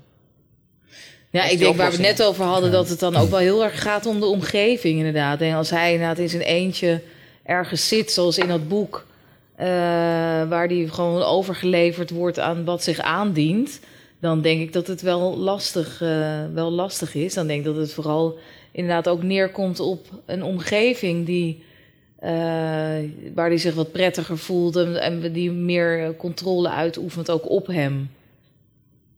Ik denk dat met hemzelf, ja goed, in zo'n therapie, als hij door een therapeut meer wordt geholpen, kan hij misschien wel wat verder komen dan nu. Want nu ja, begrijpt hij de helft eigenlijk niet van wat, er, van wat er in die boeken staat. Maar los daarvan denk ik dat heel veel ook gewoon extern ingebouwd moet worden. Maar is dat niet, is dat, is dat niet een beetje paradoxaal? Omdat eh, eh, we verwachten van zoiets als psychologische hulp of psychotherapie dat je meer controle over jezelf gaat krijgen. Dat is toch een belangrijke doelstelling. Het gaat over self-control. Maar wat je eigenlijk zegt in, in, in, dit geval op de vraag van waar zou hier zeg maar ja, de controle of het, het heil vandaan moeten komen, ja, niet zozeer eigenlijk van die jongen zelf. Ja, beide denk ik. Maar ja, ik weet niet of dat zo is. Ja, of als je die verwachting hebt, dan weet ik ook niet hoe realistisch dat is. In die Mhm. zin dat, ik bedoel, ook bijvoorbeeld bij verslavingsproblemen, dat- het schijnt toch ook vaak uiteindelijk het beste te werken als mensen natuurlijk wel eh, inderdaad eh, mechanismen leren om zichzelf te controleren. Mhm. Maar ook heel veel in hun dagelijks leven inbouwen. Mhm. Eh, d- dingen in hun dagelijks leven inbouwen, waardoor ze sowieso minder behoefte krijgen aan, aan drank of drugs. Maar ook bijvoorbeeld ook met zo'n buddy-systeem. Weet je, dat er op het moment dat je, dat je eh, gevoelt dat het misdreigt te gaan, dat je iemand kan bellen, bijvoorbeeld. Mhm. Hè, en dat, en dat, eh, dat is denk ik bij zo iemand als dit is dat ook heel belangrijk. Dus eh, ik denk dat het een beetje een illusie is om te denken dat, eh, eh, ja, dat je zulke soort heftige problemen, want daar gaat het natuurlijk eigenlijk wel over, kan, kan oplossen door het allemaal in hemzelf ja, te, te versterken, zeg Ja. maar. Ja, dat is precies wat mij, mij trof. Ik bedoel, ik ken toevallig dan beetje eh, filosofie, zeg maar. 2000 jaar filosofie heeft altijd gedacht van dat we dat zelf moeten kunnen. Dat we een verstand hebben, dat we een reden hebben om onze passies aan te gaan. Ik denk, ja, het is heel jammer dat die oude stoïcijnen zo jouw roman niet hebben gelezen. Want ik denk dat inderdaad dat dat een fictie, een fictie is. Dat je dat precies kunt leren. Dat, dat, dat, dat hele idee van volmaakte zelfcontrole. Ik denk dat dat een illusie is. Ja, dat denk ik ook, ja. En dat is ook helemaal niet erg. Eh, nog meer vragen? Ah, go. Eh, mijn vraag is eigenlijk, eh, kijk, hier zijn duidelijk complexen, hè, waar, waar je het verstand niet meer de controle eh, heeft over een persoon. Maar jullie hebben het constant over de controle vanuit de cognitieve benadering. Maar ik kom vanuit de dieptepsychologie en dan heb ik meer zoiets van... moet je dan eigenlijk niet juist meer naar de kant toe van de complex... waar hier is hè, bij deze persoon... Eh, en als je die zou kunnen behandelen, zou dan iemand niet vanuit zijn eigen zelf veel meer het, eh, hè, het kunnen aangaan om in de maatschappij weer te kunnen deelnemen. En, wat, maar wel, en wat, wat bedoel je dan precies? eh? Nou, als je, eh, tenminste, hè, zo de complex, als je een complex hebt, hè, die kan het in één keer van je overnemen. Dus dat het bijvoorbeeld, hè, dat je zelf dus ook het, de cognitie die normaal werkt, dat die eigenlijk zorgt dat je die niet meer hebt, hè, doordat er een probleem vanuit de onderbewuste kant zo omhoog komt. Hè. Die impulsen die jullie benoemen. Maar als je dus aan die impulsen zou kunnen werken, dan eh, hè, waar het vandaan komt. Dus niet vanuit de controle, maar van echt vanuit de complex waar het om zit. Dan denk ik dat je veel meer resultaat kunt boeken. Ja, misschien. Maar dan, maar dan ga je er dus vanuit, als ik het goed begrijp, dat er eh, een soort neurotisch-achtig complex ten grondslag ligt aan. Nou, juist Zijn niet een neurotisch complex. Eigenlijk hè, meer een onbewuste complexe. Hè. Nou, dat kan van alles zijn vanuit eh, een opvoeding, vanuit een leefsituatie. De, waar je eigenlijk daar, me- daar meer aandacht aan zou moeten krijgen als aan het Ja. beheersen van de seksualiteit. Maar ja, zou, zou dat zo zijn? Want dat, ja, dat een pedofiele verlangens dat die voortkomen uit een eh, vroegere situatie. die Ja. scheef is Nou, maar- gelopen. Maar ik, ik, ik geloof kan wel, me ik, zou, niet- ik zou de vraag misschien eh, willen herformuleren. Ehm, wat, wat mij trof in het boek was ehm, dat, dat werkboek, hè, dus waar, waar die mee naar huis is gestuurd, is erg eh, ja, is cognitief gericht. Een soort cognitief gedragstherapeutisch eh, eh, verhaal. Mhm. En, en, en, en, en je, je ervaart een enorme afstand tussen dat en die Mhm. oefeningen en die, die enorme impulsen en, Ja. en, en diepe Mhm. gevoelens. En volgens mij gaat de vraag daarover van is die afstand gewoon niet te groot en zou er niet veel meer, zou die niet, zou er niet veel meer iets moeten gebeuren bij die jongen aan die kant van die, van die gevoelens, dichter bij ja, die ja, impuls nee, dat zelf. snap ik. Maar ik zou niet zo goed weten hoe, persoonlijk. Ik wil, ja, op wat voor manier zou je... Oh, Nee, nou, dat, dat-. Eh, ik ben zelf een slachtoffer van seksueel misbruik manieren. In ieder geval als ik naar mijn eigen vader kijk, die een zeer complex leven had. Eh, als hij daar, ben ik van overtuigd, daarmee een veel betere hulpverlening had gehad over zijn complexheid hè, van zijn, Mhm. van zijn omstandigheid. Dat, ook, eh, dat hij daardoor ook eh, andere keuzes zou hebben Ja. Mhm. kunnen maken naar mij. Ja. ja. En eh, ik, ik, ben ervan, ik vind het heel mooi dat je onderscheid maakt tussen verschillende soorten. Maar eh, ik ben er wel van overtuigd, als je deze categorie hebt die jij beschrijft in je boek, dat je eigenlijk, als je dus meer naar de impliciete kant gaat, hè, Mhm. van een persoon, en daar meer aandacht aan geeft, en of die persoon zich gezien en gehoord Ja. voelt en begrepen Ja, Ja. dat je daar veel meer mee bereikt als bij je van de buitenkant de straf eh, aanspreekt van wel en niet. Ja. Ja, het gaat eigenlijk Nee, ja, om een dat- beetje de, de, de limieten van die cognitieve Ja. benadering. Er zijn veel meer, er zijn allerlei tuurlijk, psychologische tuurlijk. Maar dit is, dit is wel wat nu in is, zeg maar, hè, die Mhm. cognitieve benadering. Eh, dus ook in TBS-klinieken bijvoorbeeld wordt er inderdaad vroeger... eh 20, 30 jaar geleden werkten ze veel psychodynamischer bijvoorbeeld. En dan inderdaad ook veel meer kijken naar, eh, naar het verleden en naar eh, eh, ja, trauma's die mensen mogelijk zelf hebben meegemaakt. Nu doen ze dat ook wel, maar dan meer met EMDR en dat soort dingen. Maar veel minder inderdaad doorwerken van, van, eh, van dingen die mensen zelf hebben meegemaakt. Dus dat, ja, nee, tuurlijk, dat, dat geloof ik ook wel. Maar dat neemt niet weg dat, dat bijvoorbeeld zijn, eh, of ook van andere mensen die, die, die zich aangetrokken voelen tot kinderen, eh, dat het wel de vraag is of daar altijd zoiets aan ten grondslag. Dat weet ik, dat weet ik, dat Ja. weet ik ook niet. Of dat, of dat Ja, maar het hoeft toch is, niet maar- per se te zijn dat dat, dat er aan ten grondslag ligt, maar dat de benadering vanuit die dichter vanuit dat gevoel gaat misschien de, de kloof tussen die, die cognities en die impulsen minder groot zou maken. Ja, juist jouw ja. boek laat zien dat het eigenlijk helemaal nergens op slaat. Dus hij, hij heeft al die termen en impuls komt en dit, dat. Maar, maar, maar het ligt zo uit elkaar en hij krijgt zijn gevoel er niet bij, zeg maar. Ja. Je, hebt, je hebt juist het gevoel hier van, hij wordt eigenlijk getraind. Het is een soort, ja, even heel, heel oneerbiedig gezegd, soort, soort gedresseerd aapje, zeg maar. Maar daar is Ja, het gedresseerd goed, het en daar zijn zijn impulsen. Dit is natuurlijk ook wel omdat hij inderdaad eh, met zo'n werkboek eh, thuis in zijn kamertje zit. En Alleen. normaal gesproken zou zo'n psycholoog natuurlijk veel meer hem helpen. En natuurlijk ook meer aandacht hebben inderdaad, inderdaad voor zijn gevoelens. En misschien inderdaad, eh, weet ik veel wat voor situaties die jongen mee heeft gemaakt. Eh, die hier debet aan zijn geweest. Niet zozeer aan die pedofilie, Ja. maar wel aan de manier waarop hij communiceert. Of zich wel of niet een andere kan inleven. Mhm. Tuurlijk, dat, dat zou natuurlijk beter zijn. Dat is ook zo. Oké, helder, dankjewel. Ja? Hier?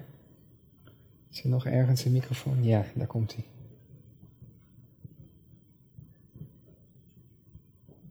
Ja, wat ik me afvroeg tijdens het lezen van het boek, was vooral hoe gaat het nou echt in de praktijk? Want ehm, vaak komt iemand dus natuurlijk pas terecht bij de hulpverlening op het moment dat er al iets gebeurd is.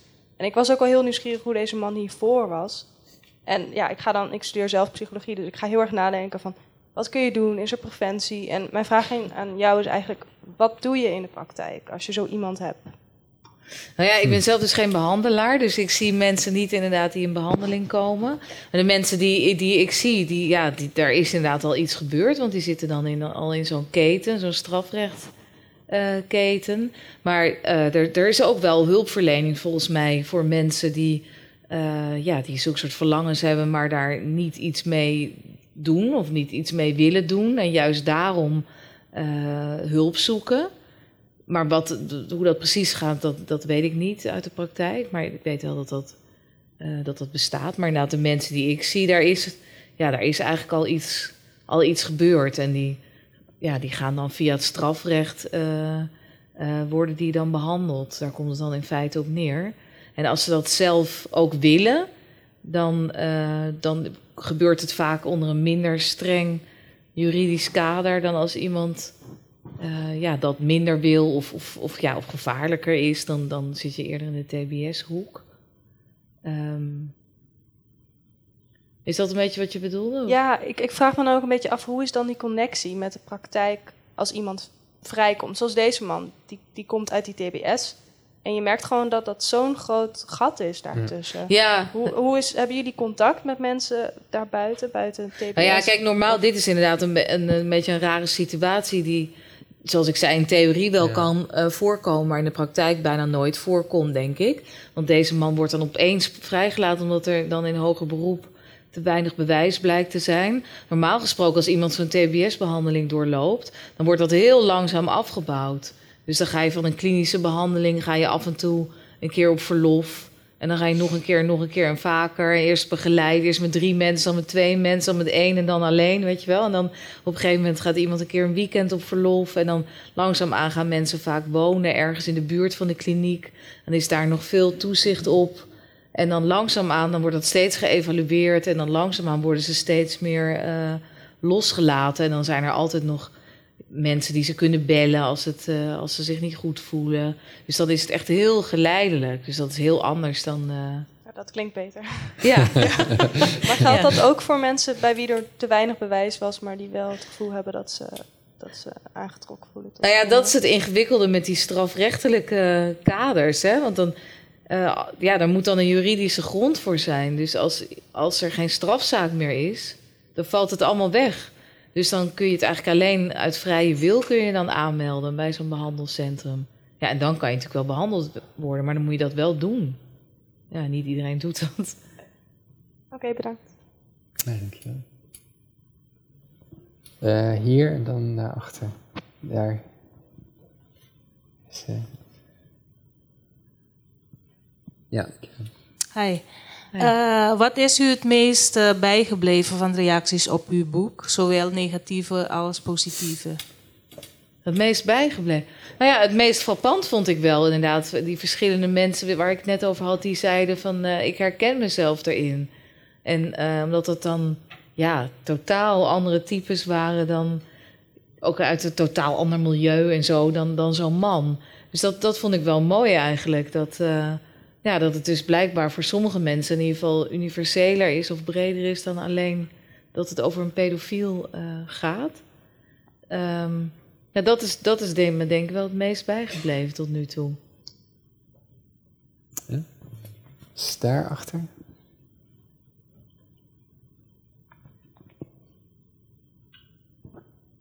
Eh, ja, in het verhaal hadden jullie het allebei over dat de man in het boek eh, waarschijnlijk ook last had van eh, een vorm van autisme. En daardoor dat inlevingsvermogen en dat daardoor identificatieproblemen had. En dat dat samenviel met eh, zijn het wel of niet kunnen controleren van zijn neigingen.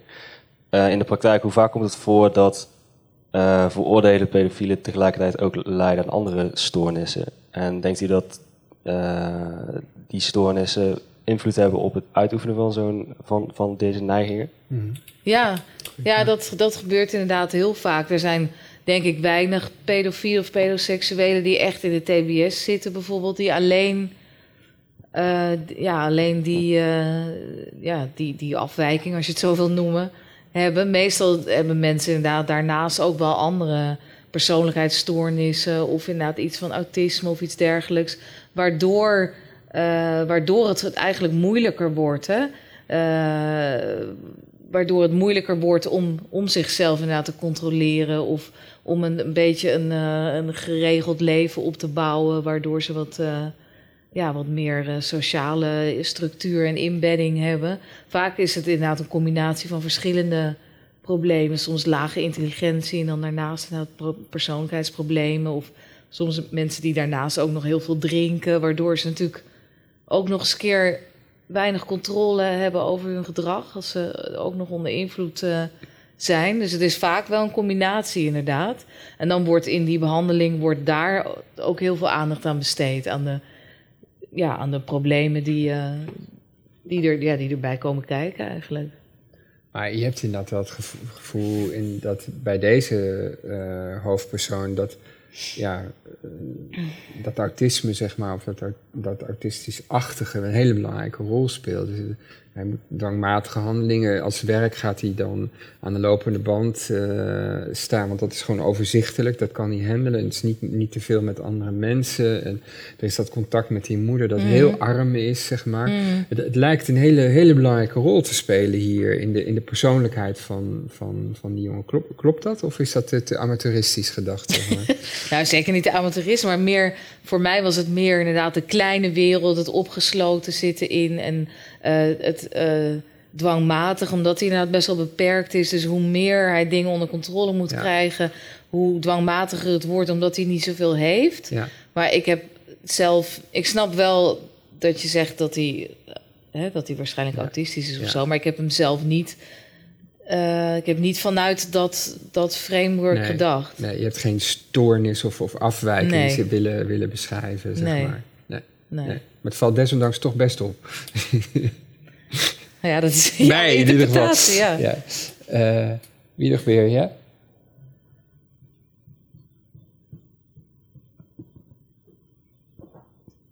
Eh, Je hebt een boek geschreven dat veel eh, vragen oproept. Hè. Kees Leijnhorst heeft die eh, het eerste uur gesteld. En het viel mij toen heel erg op dat je op de meeste van die prangende vragen eigenlijk niet echt een antwoord wilde geven. Dus de vraag over is controle mogelijk? Eh, het verschil tussen eh, eh, homoseksualiteit, pedoseksualiteit. Ehm, de vraag wat is het verschil tussen, tussen de hoofdpersoon en ons? Nou, inmiddels heb je door de vragen van het publiek op bijna al die vragen juist wel weer antwoord gegeven. Maar wat, wat zie je als jouw rol als schrijver? Is die niet ook publiek? En is het niet de bedoeling als schrijver eh, om eh, mee te denken in dat publieke debat als je schrijft over zo'n taboe onderwerp? Ja, ik snap de vraag, maar ik vind. Nou, ik weet niet of dat, of dat nou direct mijn rol is. Ik vind het wel heel interessant om, om daarover te discussiëren, maar. eh, ik vind, nee, ik vind niet dat dat nou per definitie mijn rol is, eerlijk gezegd. Ik, vind, ik wil juist meer eigenlijk aanzetten tot, tot, tot denken... dan dat ik eh, een bepaalde richting ga kiezen in dit boek... of, of wel in een eh, debat. Ik vind het wel interessant om daarover te praten en over te zeggen... Hè, van wat mijn ervaringen zijn. Of zoals waar het net over ging, van hoe gaat het dan in de praktijk, dat soort dingen.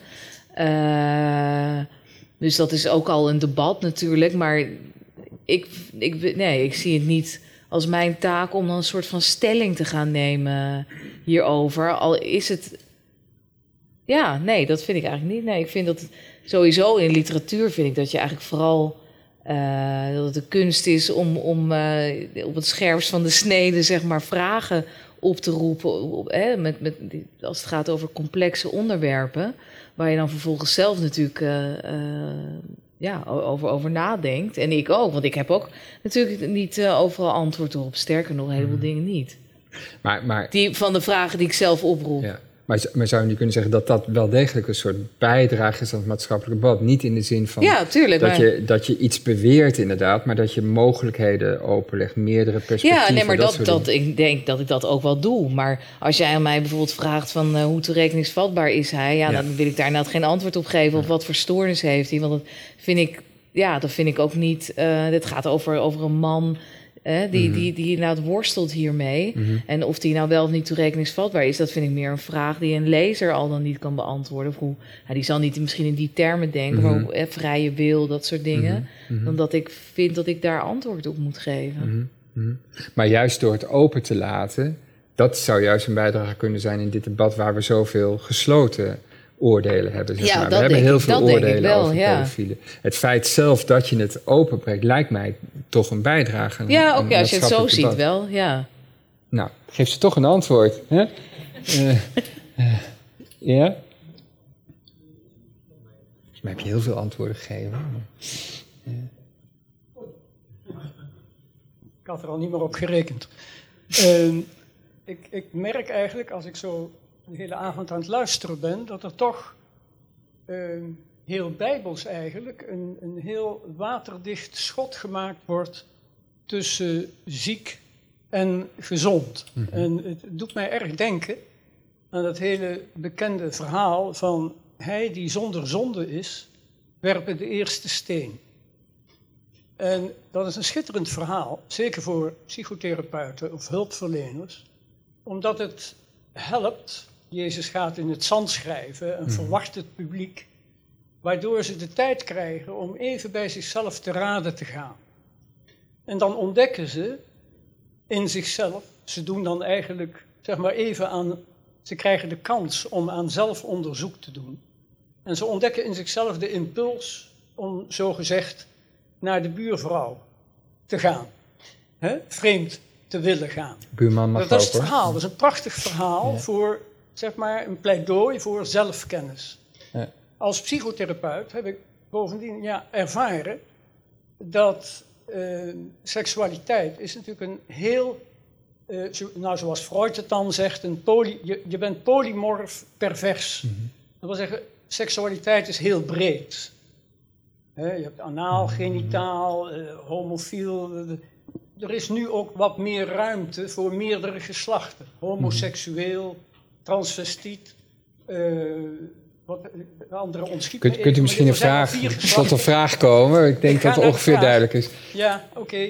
Eh, het is ook, ook een beetje een hartekreet, omdat ik die, die, die waterdichte scheiding, ik denk dat dat niet waar is. Mhm. En dat het met name voor degenen die ermee worstelen, en ik, ik vind het fantastisch dat er een, een, een boek nu over is, waardoor er meer over gesproken Mhm. kan worden. En als je echt zorg hebt voor het kind, en dat moet je hebben, en ook steeds meer bewust zijn we geworden in de maatschappij voor de schade voor het kind, Mhm.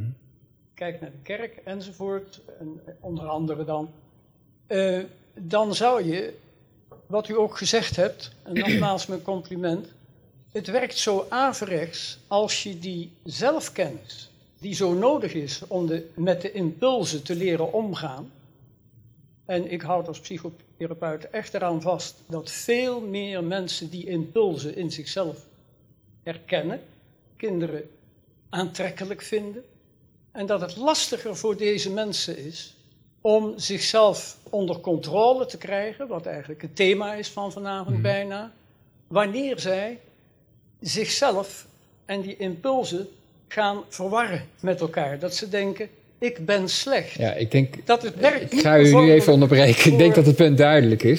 Ja, Eh, nou, het- ook, ook het punt is... eh, eh, wordt hachelijk in ieder geval moet het duidelijk zijn nu. Ja. Ehm, eh, het punt is eh, eh, van, van, van ziek en gezond. Hè? Dus we hebben hier te maken met iemand die zeg maar officieel ziek is. Die, die behandeld wordt ook. Eh, wij kunnen ons daarmee identificeren. Je zegt heel veel lezers doen dat. Ik had dat ook. En ik heb niet per se de neiging om inderdaad aan de, aan, aan ze- ze- niet aan de buurvrouw en ook niet aan het buurmeisje te zitten. Maar je, je herkent de, de, eh, de worsteling. Is dat inderdaad niet een effect van je boek dat je de, de, kan het zijn? En in, in hoeverre is dat geïntendeerd ook door jou? Van dat wij als, wij als gezonde, zeg maar normale mensen iets herkennen van deze problematiek. Die officieel die is van iemand die ziek is. Die zelfs misschien zelfs wel kwaad is. Nog, een, nog weer een andere categorie. een morele categorie. Ziek en gezond is een andere categorie. Nou ja, goed. ik- ik- ja. ja, ik vind het een ingewikkelde vraag. Want het zijn eigenlijk verschillende vragen. Ja, Want dat doe ik nou altijd, ja. Nee, neem, neem er maar één. Neem er maar één. Maakt niet uit welk. Ja, is hij het kwaad? Nou, dat vind ik, dat vind ik niet. Is hij ziek? Ja, ja, dat, ja, in zekere zin misschien wel. Maar zoals ik net al zei, daarnaast heeft hij natuurlijk heel veel eigenschappen inderdaad die, die wij ook hebben. En wat ik ook vaak in mijn werk zie, het is ook niet natuurlijk zo zwart-wit, ja, ziek, gezond. Maar het is ook vaak natuurlijk een soort glijdende schaal. En dat denk ik ook met bijvoorbeeld hoe hij met zaken omgaat, hoe dwangmatig hij is. Eh, ik denk dat heel veel mensen daar dingen van herkennen. Alleen is het net niet zo erg waarschijnlijk als bij hem. Mhm. Dus dat het ook een kwestie is van, van, van intensiteit of zo. Hè? Dus Mhm. dat je het wel tot op zekere hoogte kan begrijpen. Maar ja, dat geldt natuurlijk voor, de- voor heel veel. Als je met mensen gaat praten die in de TBS zitten, afgezien van mensen die volledig psychotisch zijn en in een hele andere wereld leven, zul Mhm. je, zul je ook gewoon dingen van jezelf. eh, Jawel, maar, maar, dat, herkennen. maar dat creëert het punt dus dat, dat, er, dat de tegenstelling tussen zeg maar, normaliteit, wat wij normaal, bijvoorbeeld normaal seksueel gedrag vinden en wat Mhm. we deviant of afwijkend gedrag vinden, Mhm. dat die grens eigenlijk veel ingewikkelder Ja. ligt. En dat die, deze dat mij dat ook. wel, ja. ja. Ja. En, maar dat het ook de vraag doet oproepen van. En toch worden we daar een beetje uneasy van, want we, we vinden het op zich niet zo fijn, pedoseksualiteit, zeg maar. Dus, Nee, dat begrijp ik, maar ja. Toch is, ja, het is misschien voor me het is misschien een soort beroepsdeformatie van mij. Dat het mij ergens soms ook wel weer verbaast. Dat het andere mensen verbaast. Dat mensen met pedoseksuele of pedofiele gevoelens eh, zo normaal kunnen zijn. Of zo op mij kunnen of jou kunnen lijken. mhm. Want ja, Hoe zou ze er anders moeten uitzien? ja, spreken? ja, precies, ja. Oké. Eh, ja? Ja, in de afgelopen vier jaar dat u aan uw boek hebt gewerkt, zijn er natuurlijk eh, perioden geweest van volkswoede. Eh, als we bijvoorbeeld kijken naar de eh, vrijlating van Ben L. en dat burgemeesters in talkshows moesten verschijnen om daaruit te gaan leggen waarom ze bepaalde keuzes maken. En dat er heel veel mensen heel boos over waren en zelfs naar de huizen toe gingen van die pedofielen om daar ruiten door te gooien. Ik vroeg mij af wat dat voor u heeft gedaan in het schrijven van uw boek. Bent u zich bewust geworden van het thema waar u mee bezig was? Dat dat, zoals er net ook al werd gezet, tot een, eh, dat het een heel belangrijk thema is, een heel groot taboe? Of bent u, hebt u gewoon besloten, ik, ik blijf gewoon eh, om mijn kamer eraan verder werken zoals ik dat altijd al deed? Ja, mooi vraag. Ja, nou ja, in eerste instantie vooral dat laatste heb ik me er eigenlijk niet zo heel veel van aangetrokken. En zag ik het toch wel als iets wat echt wel buiten mijn, mijn eh, eh, geploeter stond. Maar naarmate ik verder kwam, eh, ja, ben ik daar natuurlijk wel meer, in ieder geval me weer meer bewust eh, eh, van geworden. En ja, en soms kreeg ik daar ook wel een beetje benauwd van. Dat ik dacht van ja, het is eigenlijk best wel een heel heftig onderwerp. En ik vind dat nu eenmaal zo interessant. Maar ja, willen andere mensen dat eigenlijk wel lezen? Zullen er wel mensen zijn die zich willen verdiepen in zo iemand? Krijg ik niet heel veel woede over me heen? Weet je wel, dat soort dingen heb ik me wel eh, ook wel afgevraagd. Maar aan de andere kant dacht ik, ja, het is, het is niet dat ik inderdaad hier stelling neem. Ik beschrijf iemand. En eh, ja, en ik vond het zelf toch zo interessant en belangrijk. En weet ik veel het allemaal, dat ik er wel. Dat het me in ieder geval niet van weer hield om, om daarmee verder te gaan. Maar eh, ja, naarmate ik verder in dat proces kwam, ja, ging ik daar wel, daar wel steeds bewuster van in elk geval. Mooi. Hebben nog één vraag over daarachter. Is er nog een microfoon?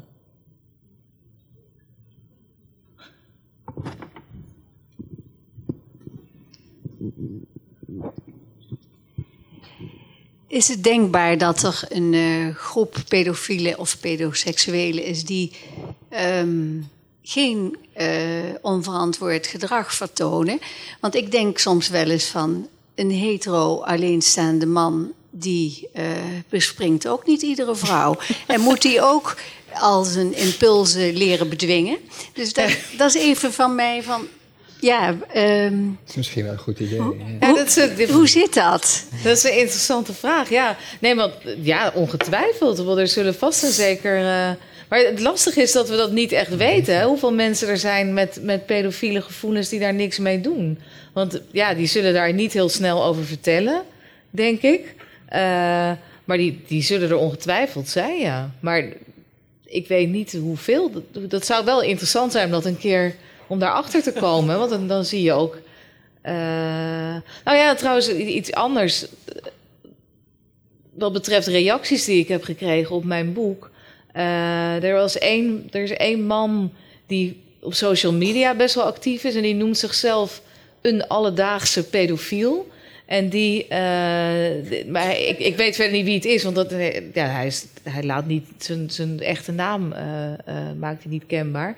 Maar hij maakt zich dan een beetje kwaad over het feit dat er als er dan een keer iets over pedofilie in de aandacht komt, hè, zoals een boek dat wordt geschreven, dat het dan altijd gaat over pedofielen die zichzelf uiteindelijk niet kunnen beheersen. Want hij zegt van ja, ik beheers me wel. Dus dat. Uh, uh, ja, dat is heel interessant. Want ik ben een, een paar weken geleden geïnterviewd, bijvoorbeeld ook door de trouw. En die journaliste die heeft geprobeerd om hem ook te interviewen. Dus ik dacht, ja, dat is interessant hè, om dan ook iets te horen over iemand. Maar ja, uiteindelijk, omdat het dan anoniem is en bij de krant willen ze dat niet, dan willen ze dat iemand. Uh, ja, dat je iemand toch in ieder geval ontmoet en dat je weet hoe, ja, wie je bron is, zeg maar. Is dat niet doorgegaan? Want inderdaad zullen er genoeg mensen zijn die. Uh, ik ben alleen bang dat... het trieste nieuws is dat het een veel saaiere roman zou worden. ja, nee, maar een interview met zo'n man dat zou, wel, interessant dat zijn. Dat je kan zien inderdaad van dat het er wel bestaat. Ja. ja. Nee, interview wel, maar een roman zou... Nee, dat... Oké, we moeten stoppen. Het is negen uur. Um, Inge Schilpoort en Kees Leijenhorst, heel hartelijk dank voor dit uh, prachtige gesprek.